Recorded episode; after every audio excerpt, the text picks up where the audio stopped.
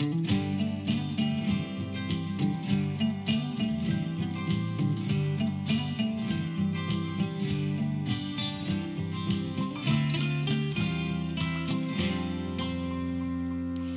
Ja, varmt välkomna till Regionpodden och vår sista livepodd härifrån Almedalsveckan.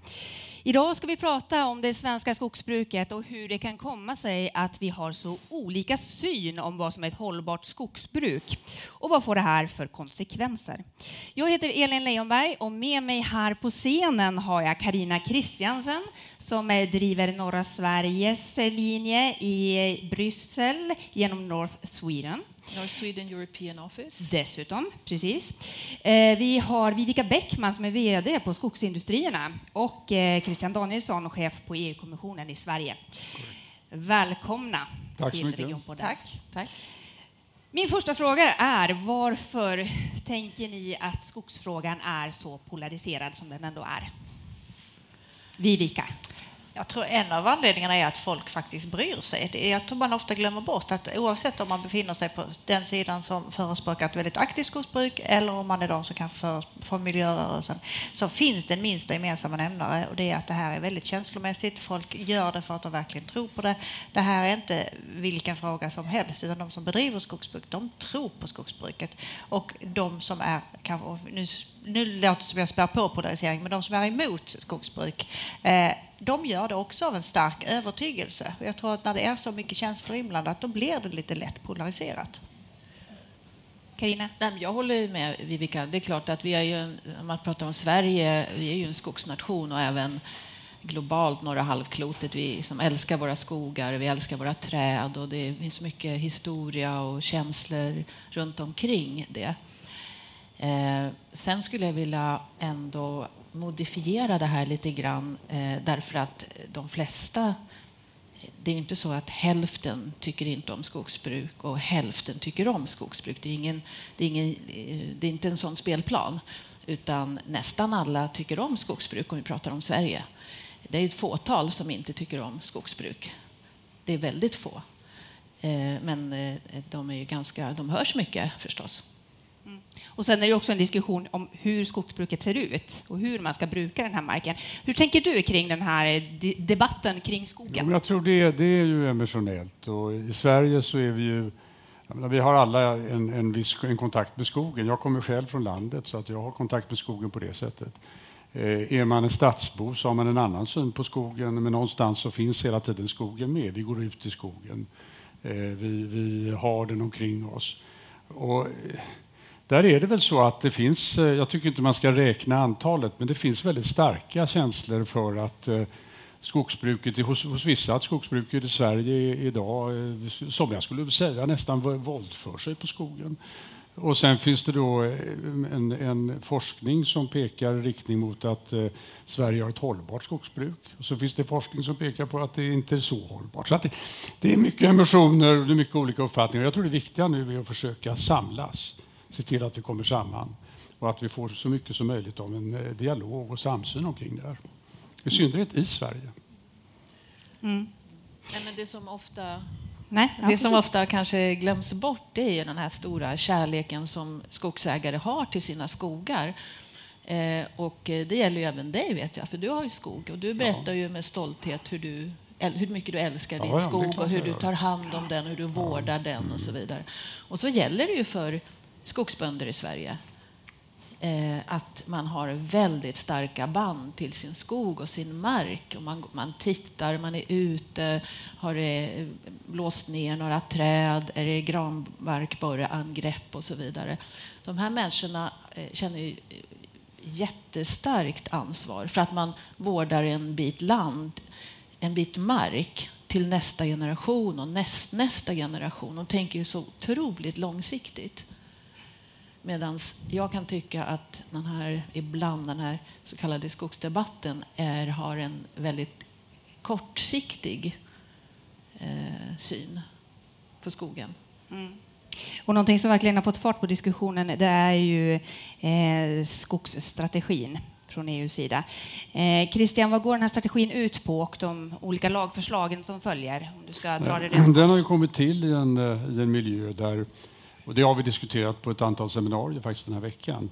I en miljö där, där eh, det, den typen av skog och det skogsbruk som bedrivs i Sverige inte fick riktigt det genomslaget som jag tror förväntningsbilden var i Sverige för en sån typ av strategi. Jag tror först till att börja med så var nog inställningen från svensk sida att vi ska inte ha någon skogsstrategi.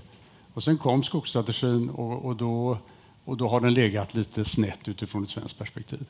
Eh, och då snett i vilket avseende då? Ja, då är det ju att, eh, tror jag man känner i, i Sverige, att den har inte tillräckligt beaktat de specifika förhållanden som gäller i norra Europa.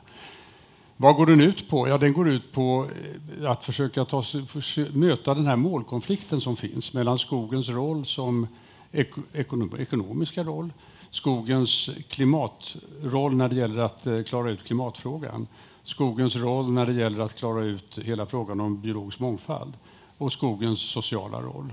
Och där, där gäller det att hitta en balans då som fungerar. Och jag tror en sak som eh, har kommit ut ur hela den här diskussionen det är väl att det, går liksom, det är rätt svårt att ha en kostym som passar alla. Utan det är skillnad på norra Sverige och södra Frankrike. Och det är skillnad eh, korkskogarna i Portugal från dem i Grekland där det inte finns så mycket kork. Och det där är väl någonting som eh, i diskussionen omkring skogsstrategin har, har kommit in mer och mer och som sen avspeglar sig nu på de konkreta förslagen som, som ligger på bordet eh, och som är då kopplade framför allt till klimatfrågan. Mm. Men eh, är Sveriges skogsbruk hållbart? Jag tycker den frågan är en sån där som man, liksom, om jag säger ja då, då kommer jag få massa som säger nej, det är det inte. Säger jag nej så kommer några massa säga ja. Jag tror det viktiga är att konstatera att skogsbruket är någonting som är under ständig utveckling. Hade vi stått här för 130 år sedan, ja, det hade varit en form av skogsbruk som vi har diskuterat. Eh, skulle vi stått här på 90-talet, ja, då hade det varit den, skogsbruksplan, den skogsbruk som lades fast då med den här viktiga balansen i Sverige mellan ekonomi, miljö och ansvar för skogsägarna. Och sen har, ju, har, ju, har det ju skett en utveckling och inte minst nu, tänk, tänk hela frågan om klimatförändringen som kommer ju att ställa nya krav på skogsbruket. Eh, bara en sån sak som att vi har det, att det blir varmare leder väl kanske till att vi får fler parasiter som går in i våra skogar och då måste vi tänka på att hur ska skogsbruket läggas upp för det? Och sen finns det ju en diskussion om, eh, om hela frågan om slutavverkningar och kalhyggen. Eh, och den ser jag mera som att den är också rätt emotionell. Alltså det är det här, jag ser ett kalhygge och så blir, blir den, känns det som det inte känns rätt. Och så finns det då väldigt starka argument för varför kalhygge är nödvändigt i, i den typen av skogsbruk som vi har i Sverige. Så att jag, tycker, jag, jag, tycker det här med att säga är det hållbart eller inte hållbart är inte det viktiga. Det viktiga är att skogsbruket är inriktat på att möta de krav som ställs. Och då handlar vi igen om ekonomi, det handlar om klimatfrågan, det handlar om biologisk mångfald för att ta tre exempel. Mm. Karina? Eh, ja, svaret på den frågan är tydligt ja. Eh, skogsbruket är hållbart. Vi har ju bedrivit det här skogsbruket eh, väldigt länge. Det moderna skogsbruket har vi drivit kanske sedan 70-talet. Och vi gör det fortfarande och träden växer, djuren bor i skogen, vi får fler och fler fåglar. Eh, ja, det är definitivt hållbart från ett ekologiskt, ekologiskt perspektiv. Mm. Vad säger du, Vivica? Absolut. Jag tycker också att vi har ett hållbart skogsbruk. Eh, sen innebär inte det att det här skogsbruket som vi har här och nu ska vara exakt likadant för nu och i framtiden. Utan man måste ju se, precis som Christian sa, eh, vad fyller skogen för funktion? Vad ska vi använda skogen till? Eh, och jag tycker ofta att, att man tappar bort... Eh, det är inte så att vi går och hugger träd för vi tycker det är roligt att hugga träd.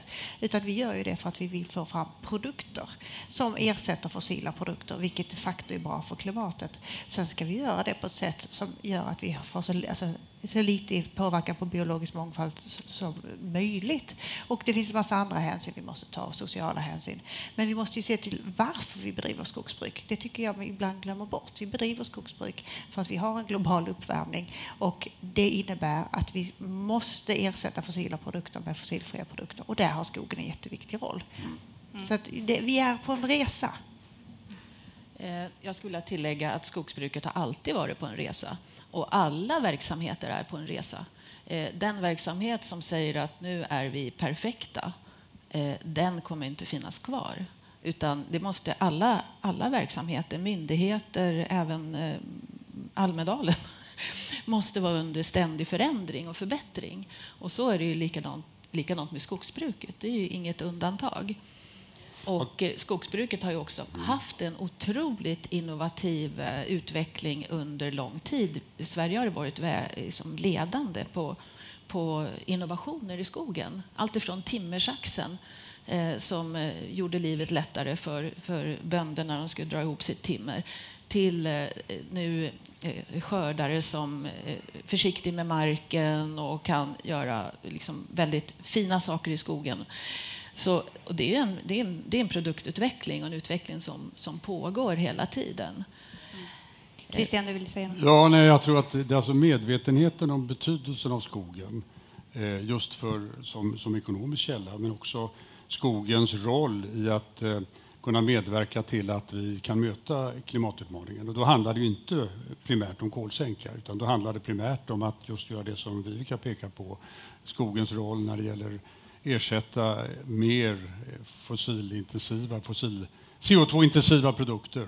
Men också hela den här innovationen som finns i skogen. Alltså det här egentligen är ju ett, ett trä är ju en kolmolekyl i någon mening som då kan användas till en rad olika funktioner. Och det ser vi ju nu hur skogen plötsligt kommer in som ett element när det gäller textil, kommer in som ett element för att ersätta eh, litium i batterier, eller om det, är, om det är grafit kommer in som, som ett element i eh, att diskutera bränsle i framtiden. Så att det, hela den biten är också någonting som, som är viktigt att ha med i, i resonemanget om skogens roll. Mm. Ja, för att skogen ses ju ofta som nästan räddningen. Eh, den ska räcka till allt. Som, du har ju varit inne på väldigt många om det här. Vi ska bygga mer vi ska ha biobränsle, den ska stå kvar som kolsänka, den ska gynna biologiska mångfalden och så vidare. Och så har vi ekonomiska intressen i det här. Kommer skogen att räcka till allt som vi vill att den ska räcka till? Nej, det kommer den absolut inte att göra. Eh, men där finns också en vanföreställning. För att ibland när man följer debatten så tror man att om vi bara använder skogen till långlivade produkter, då, då är det okej okay att bruka skogen. Men det är ju inte så det fungerar i Sverige.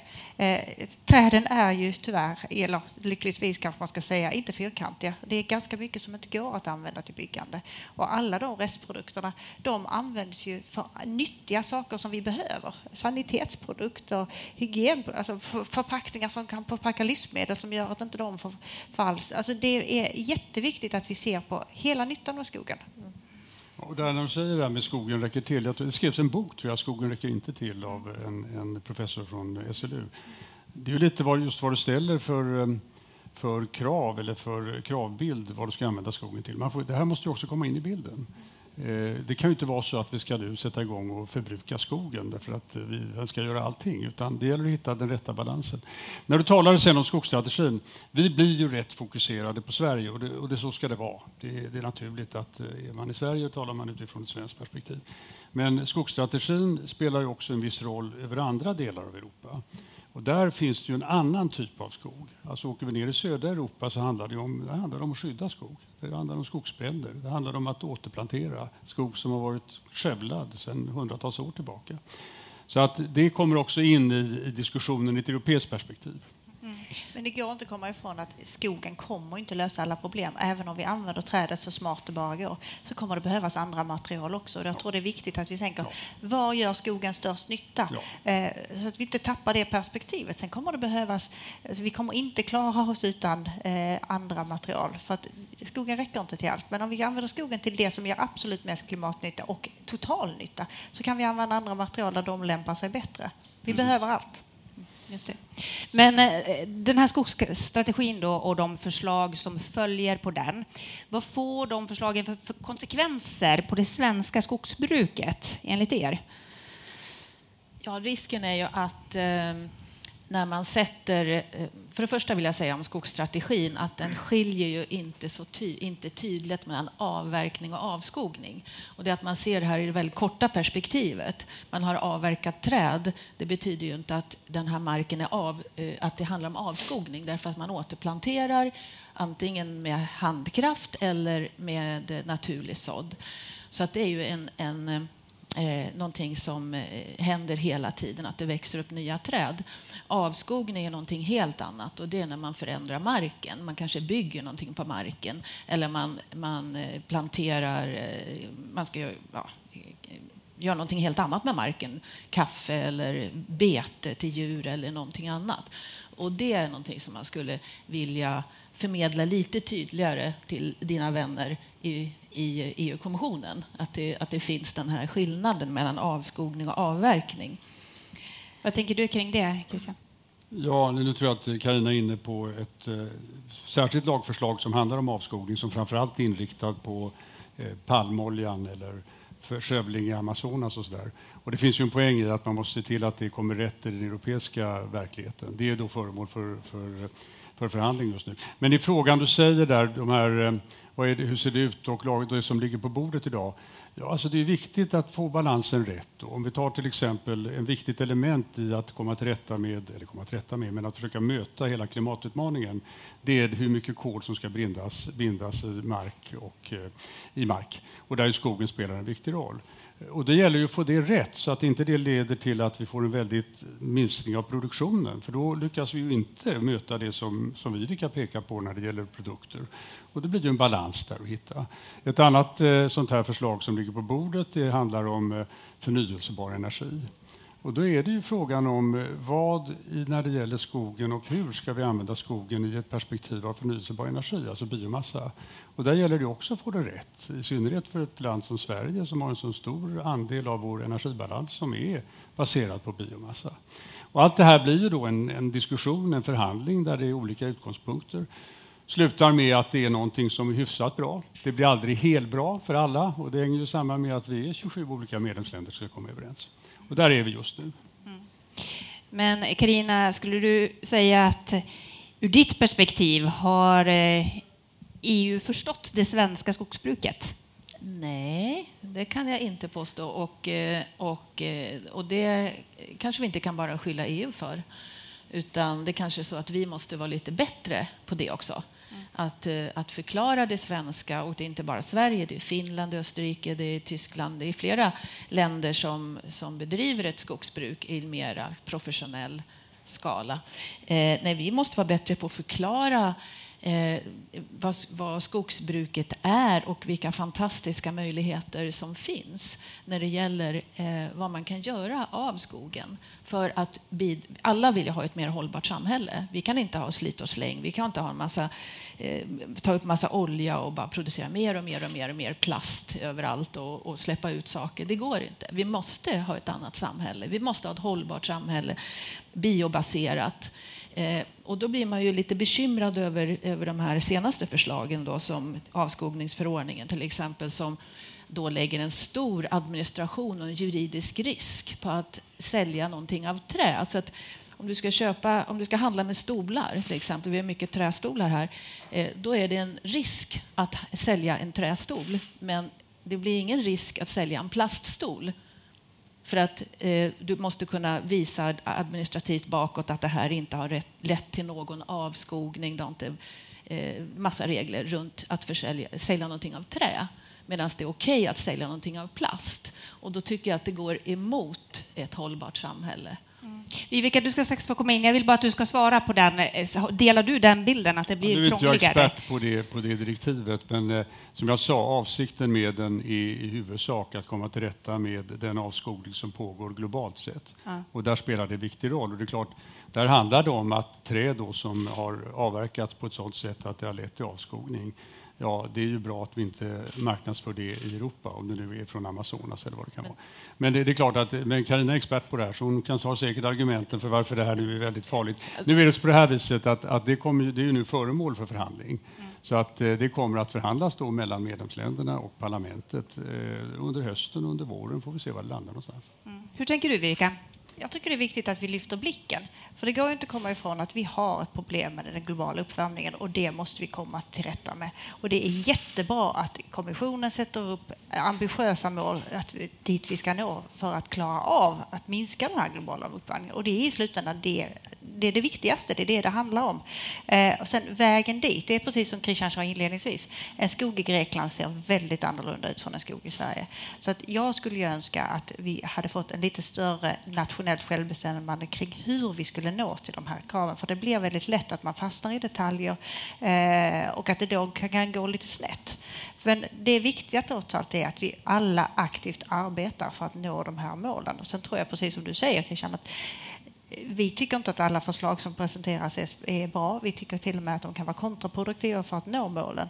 Men ju mer vi engagerar oss i dialog, desto bättre kommer det bli.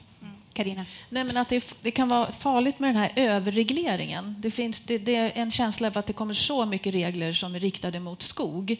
Och det är eh, i norra Sverige så det finns en extrem alltså innovativ kraft på att göra hållbara flygbränslen, eh, eh, biogas och så vidare. Det finns alltså, eh, allt. Man kan göra allt av trä som man kan göra av olja och säkert mer saker. Men om man börjar överreglera det här för mycket då sätter man en, eh, en, ska en liten lock på den här innovativa kraften. Investerarna vågar inte, man vågar inte riktigt satsa på universiteten och så vidare och uppfinna nya saker. Så att det är väldigt viktigt att, eh, att, det här inte, att man inte överreglerar. Ehm, ett, ett, bara ett litet exempel på, på eh, att man aldrig kan förutse framtiden riktigt.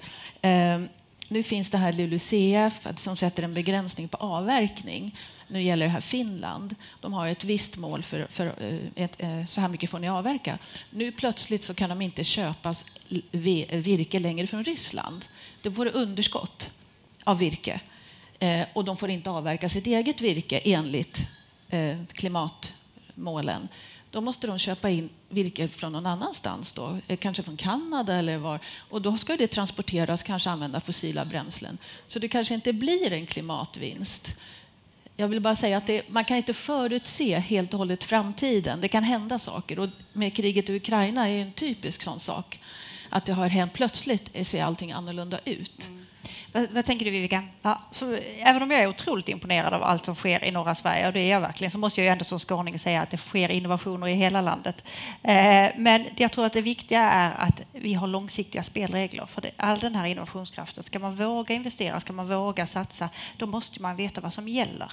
Eh, för annars kommer man alltid våga. Då, då får vi inte nästa hybrid eller vad det kan tänkas vara om man inte vet att det här är en bransch vi kan satsa på. Så det vi verkligen behöver det är långsiktiga spelregler. Det får inte hålla på att ändras hela tiden. Mm. Christian? Nej, men Vivica har helt rätt. Det är ju det det handlar om. Och det är det här paketet. Jag är lite alltså där Carina beskriver om en avalansch av regler som slår mot skogen. Jag känner inte riktigt igen mig. Det är regler som slår mot skogen, men jag ser inte den här stora lavinen. Det är ett par element som är viktiga. Och det, LULUCF, det här bindningen i skog och mark igen. Även om jag inte förstod resonemanget med Ryssland där, men det är någonting annat. Eh, men, eh, och sen är det den här frågan om, om eh, förnyelsebar energi och hur det ska användas framför allt. Sen finns det säkert en tredje eller fjärde som är viktig också. Du tog den här med avskogning. Men jag tror att det väsentliga här det är ju att de här reglerna kommer på plats. Så när de är på plats då är det klart, då, det, då, då vet vi. Och från kommissionens sida, bara så man har klart för sig, kommissionens sida har lagt fram ett förslag som syftar till, och det är bredare, det är inte bara skogen, som syftar till att få ner växthusgaserna med 55 procent 2030. Och eh, det tycker medlemsländerna är utmärkt. Vi har i och för sig inga problem med att medlemsländerna ändrar på balansen här. Bara vi landar på 55 procent. Och därför så har förslaget som nu, som nu kommit ut ifrån medlemsländerna när det gäller just Fit for 55 ser annorlunda ut än kommissionens förslag. Och sen får vi se var det kommer landa i slutändan nästa år. Men då, när det kommer på plats nästa år, ja, då har vi långsiktiga spelregler som relaterar till klimatet som kommer stå sig rätt länge, tror jag. Och det kommer nog underlätta investeringarna, det kommer underlätta innovationen, det kommer underlätta också arbetet. Och sen ska vi bara ha klart för oss en, en sista sak. När EU lägger regler, så låt oss alltid ha i minnet att alternativet är inte inga regler. Alternativet är 27 olika regler. Så att det här handlar ju också om att vi sätter en spelplan som blir lika för alla och det är jätteviktigt. Mm. Hur skulle det här påverka skogsindustrierna i Sverige då, Viveka? Det är väldigt svårt att säga exakt hur det skulle påverka, men det här är ju, det är ju kommunicerande kärl. Eh, avverkar vi mindre så får vi färre produkter. Eh, så att om det, vi får lagstiftningsförslag som är alltför begränsande för skogsbruket, ja, då kommer vi ha mindre möjlighet att producera fossilfri råvara. Det hänger ihop, men just nu så vill jag vill inte stå så där som en domedagsprofet, för vi vet inte hur det blir. Vi vet inte riktigt var det landar. Och jag tror att vi har en jätteviktig uppgift att på något sätt föra in i diskussionen organisationerna den totala nyttan som skogsnäringen gör. Alltså svensk skogsnäring totalt binder 93 miljoner ton koldioxid varje år. Det är jättemycket. Ungefär hälften är den växande skogen och hälften är produkterna eh, som ersätter fossila produkter. Och det är balanssteg. Ju mindre vi avverkar, desto mindre produkter. Och de där, de där vågskålarna måste vi hela tiden eh, balansera. Så att, eh, det blir, det blir begränsningar, men jag kan inte säga att nu får vi stänga dörrarna. Det tror jag inte att det kommer att bli. Jag, jag är i grunden optimistiskt lagd, även om jag tycker att det är problematiskt. Eh, vi har eh, ett arbete att göra. Mm. Men ni var ju inne där på att eh, det utvecklas ständigt. Alla grejer utvecklas ständigt, eh, så även skogsbruket. Om du ser till nuvarande skogsbruk då och den utveckling som kommer att ske framöver för att få ett, håll, alltså ett ännu mer då hållbart eh, skogsbruk. Vad ser du då? Vilka åtgärder behöver göras för att liksom få det ännu bättre? Eh, nu har jag ett kurs som jag nästan alltid drar. Jag säger att jag är jurist, jag är inte jägmästare, så jag kan inte exakt säga om hur det kommer att bli. Men om det är någonting jag vet så vet jag att det kommer att utvecklas. Alltså för hundra år sedan i Sverige så hade vi nästan ingen skog alls. Då var ju hela Sverige nästan ett hygge för vi hade huggit ner träden för att skicka in dem i eh, järnverken för att elda. Eh, sen dess har vi skett en otrolig utveckling och vi, det är ju inte så att just nu har vi kommit på exakt det ultimata. Utan vi kommer fortsätta utvecklas. Det kommer säkert ske lika mycket förändringar i, det, i den svenska skogen som det har gjort de senaste åren. Och exakt hur det blir, det vet inte jag. Men vi trenden som har varit är ju att vi, har, vi jobbar mot två jämställda mål, miljö och produktion, där vi ska balansera även de två vågskålarna. Och jag tror att det arbetet kommer att fortsätta. Vi kommer att behöva se över hur ett hygge om tio år kommer inte se ut som ett hygge idag. Eh, men exakt hur det blir, det vågar faktiskt inte jag säga i, men det kommer att vara annorlunda. Mm. Det tror jag. Nej, jag bara ser, jag, jag har ju som du sa Carina, jag håller ju på lite med skog själv. Jag, jag ser utvecklingen, och det gäller då södra Sverige som jag har mest kontakt med, Ja, vi kanske sparar en 100 eh, träd per hektar när vi slutavverkar. Eh, vi kanske tar och ser till att det finns skärmar i, i slutavverkningsområdet helt enkelt för att värna om biologisk mångfald men också estetiskt, att det ska trevligt ut.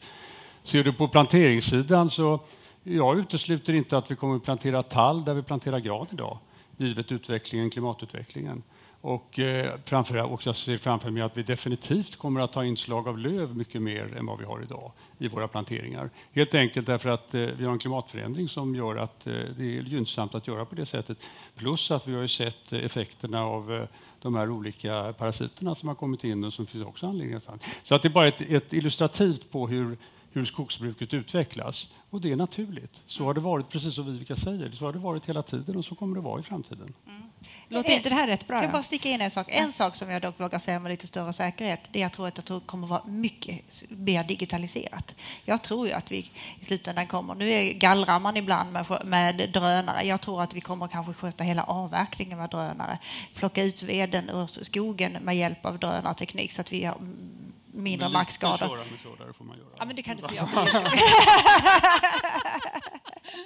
Lite kan du säkert få göra. Men jag tror att vi kommer att bli mycket mer high-tech även i skogen. Och det kommer ju också påverka eh, marken och hur hela skogsbruket ser ut, tror jag. Mm. Men du kan få köra din skördare. Ja. Men det här med mångfalden då, som Christian pratar om i naturen, att plantera andra typer av träd. Vad tänker du kring det? Frågar du mig? Ja. Eh, nej, men det är ju jättebra. Eh, och eh, eh självklart. Eh, det, det, vi inte ska glömma bort är att eh, vi har kanske eh, 330 000 skogsbönder och Christiana N eh, i Sverige. 30, ja, 330 000 och ungefär över 600 000 i Finland. Så det är enskilda människor som äger skog och fattar ju beslut om sin egen skog. och ehm, Eh, och det ser jag som en, det är en, eh, och så är det i norra, norra, Sverige likadant. Massor av enskilda skogsbönder. Och de fattar, kan ju fatta lite olika beslut för vad de tycker och är bra på sin skog. Och jag tror att det är en av de stora, stora styrkorna och säkerhet för skogen att folk tänker lite olika. Eh, det ska inte vara så att man ska göra precis lika överallt, för då blir det sårbart. Det är just variationen som eh, eh, som är fantastiskt. Och jag är ute jättemycket i skogen, har varit det jämt. Och man kan ju se när jag har slutat, en skogsbondes skifte slutar så börjar nästa. Då, börjar, då är det något nytt. Här är det björk, här är det si, här är det så. Här är en, någon som inte har gjort någonting på 50 år. Och här har vi en som är jättenoggrann och gallrar och gör allting och så vidare. Så det, är den variationen som finns för att vi har ett, ett sånt diversifierat ägande. Det är någonting som vi ska vara väldigt glada för och som ibland eh, eh, glöms bort faktiskt i Bryssel. Det får vi påminna om. Att det finns en massa ägare till de här skogarna. I, I EU-dokumenten så står det då EUs skogar, men EU har ju inga skogar. Det är skogar i EU, som man får säga. Ja. ja. Men Christian, hur påverkas privata skogsägare av de här förslagen som kommer från kommissionen? Är det på samma sätt som skogsindustrin? Ja, nej, alltså, det är ju... Eh, nu, de, för det som ligger på bordet nu handlar ju om eh, ramarna för eh, i bredare bemärkelse. Hur mycket ska bindas i skogen och hur mycket ska inte bindas i skogen? Vilka kriterier ska det vara för, för den för biomassan och den råvaran som tas ut ur skogen därvidlag. Och sen finns det ju en diskussion också, tror jag, Vivica, om, eh, om vad definitionen av olika begrepp... Det finns ett som heter close to nature forestry, alltså nära naturen eller natur, naturhantering av skogen. Eller, och där, där har det ju funnits en diskussion om hur det ska definieras. Jag tror inte man har landat på det ännu. Va? Eh, och på samma sätt så är det ju också när det gäller vad är det som är gammalskog och vad är det som är, är, är urskog och så. Så att det finns ju en hel del sådana frågeställningar som diskuteras just nu och där, där är det väl bra om man är med i den bilden och helt enkelt eh, ser till att den formuleringen passar för det som vi håller på med här. Sen får vi se hur det kommer att användas i eventuell lagstiftning.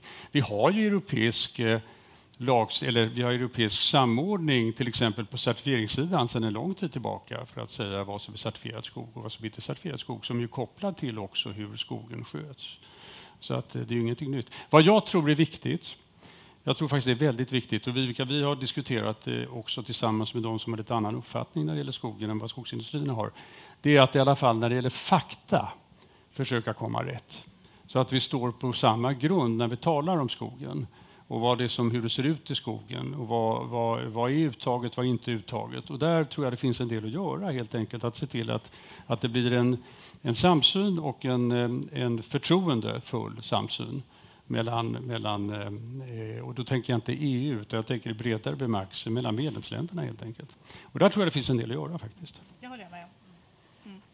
Mm. Eh, avslutningsvis då, eh, hur tänker ni kring den här debatten liksom med polariseringen? Hur mycket skälper det möjligheten att faktiskt komma framåt i den här frågan och liksom, ha skogen som en, en del av lösningen av våra framtida utmaningar? Viveka? Jag tycker att den, eh, det här är nästan lite grann som en ond cirkel. Vi, vi, hamnar ofta i diskussioner där vi pratar så mycket om den polariserade diskussionen och det i sig spär ju på polariseringen också. Så jag, jag, tycker det, är, det vore roligare om vi kunde faktiskt prata mer om vad vill vi egentligen åstadkomma. Här har vi alla de här behoven. Eh, hur möter vi de behoven? Och då ska vi inte bara tänka Sverige, då ska vi tänka hela världen. Det är väldigt, alltså, vi har ju fortfarande jättemånga fattiga på hela planeten som också har rätt att göra en välfärdsresa på samma sätt som vi har gjort. Om vi istället kunde prata om hur ser vi till att vi lever på ett sätt som gör att fram, vi inte tullar på framtida generationers välfärd. Eh, om vi kunde prata om det så skulle det vara otroligt mycket roligare än att vi pratar om din forskare säger så och min forskare säger så. Alltså, mm. Det är jätteolyckligt. Jag vill prata om vad vi kan, hur vi löser problemet. Karina, är det en bra sak att prata om? Vad sa du? Är det en bra sak att prata om? Nej, men det är ju absolut eh, självklart så. Självklart är det på det sättet, så jag håller, håller verkligen med. Mm.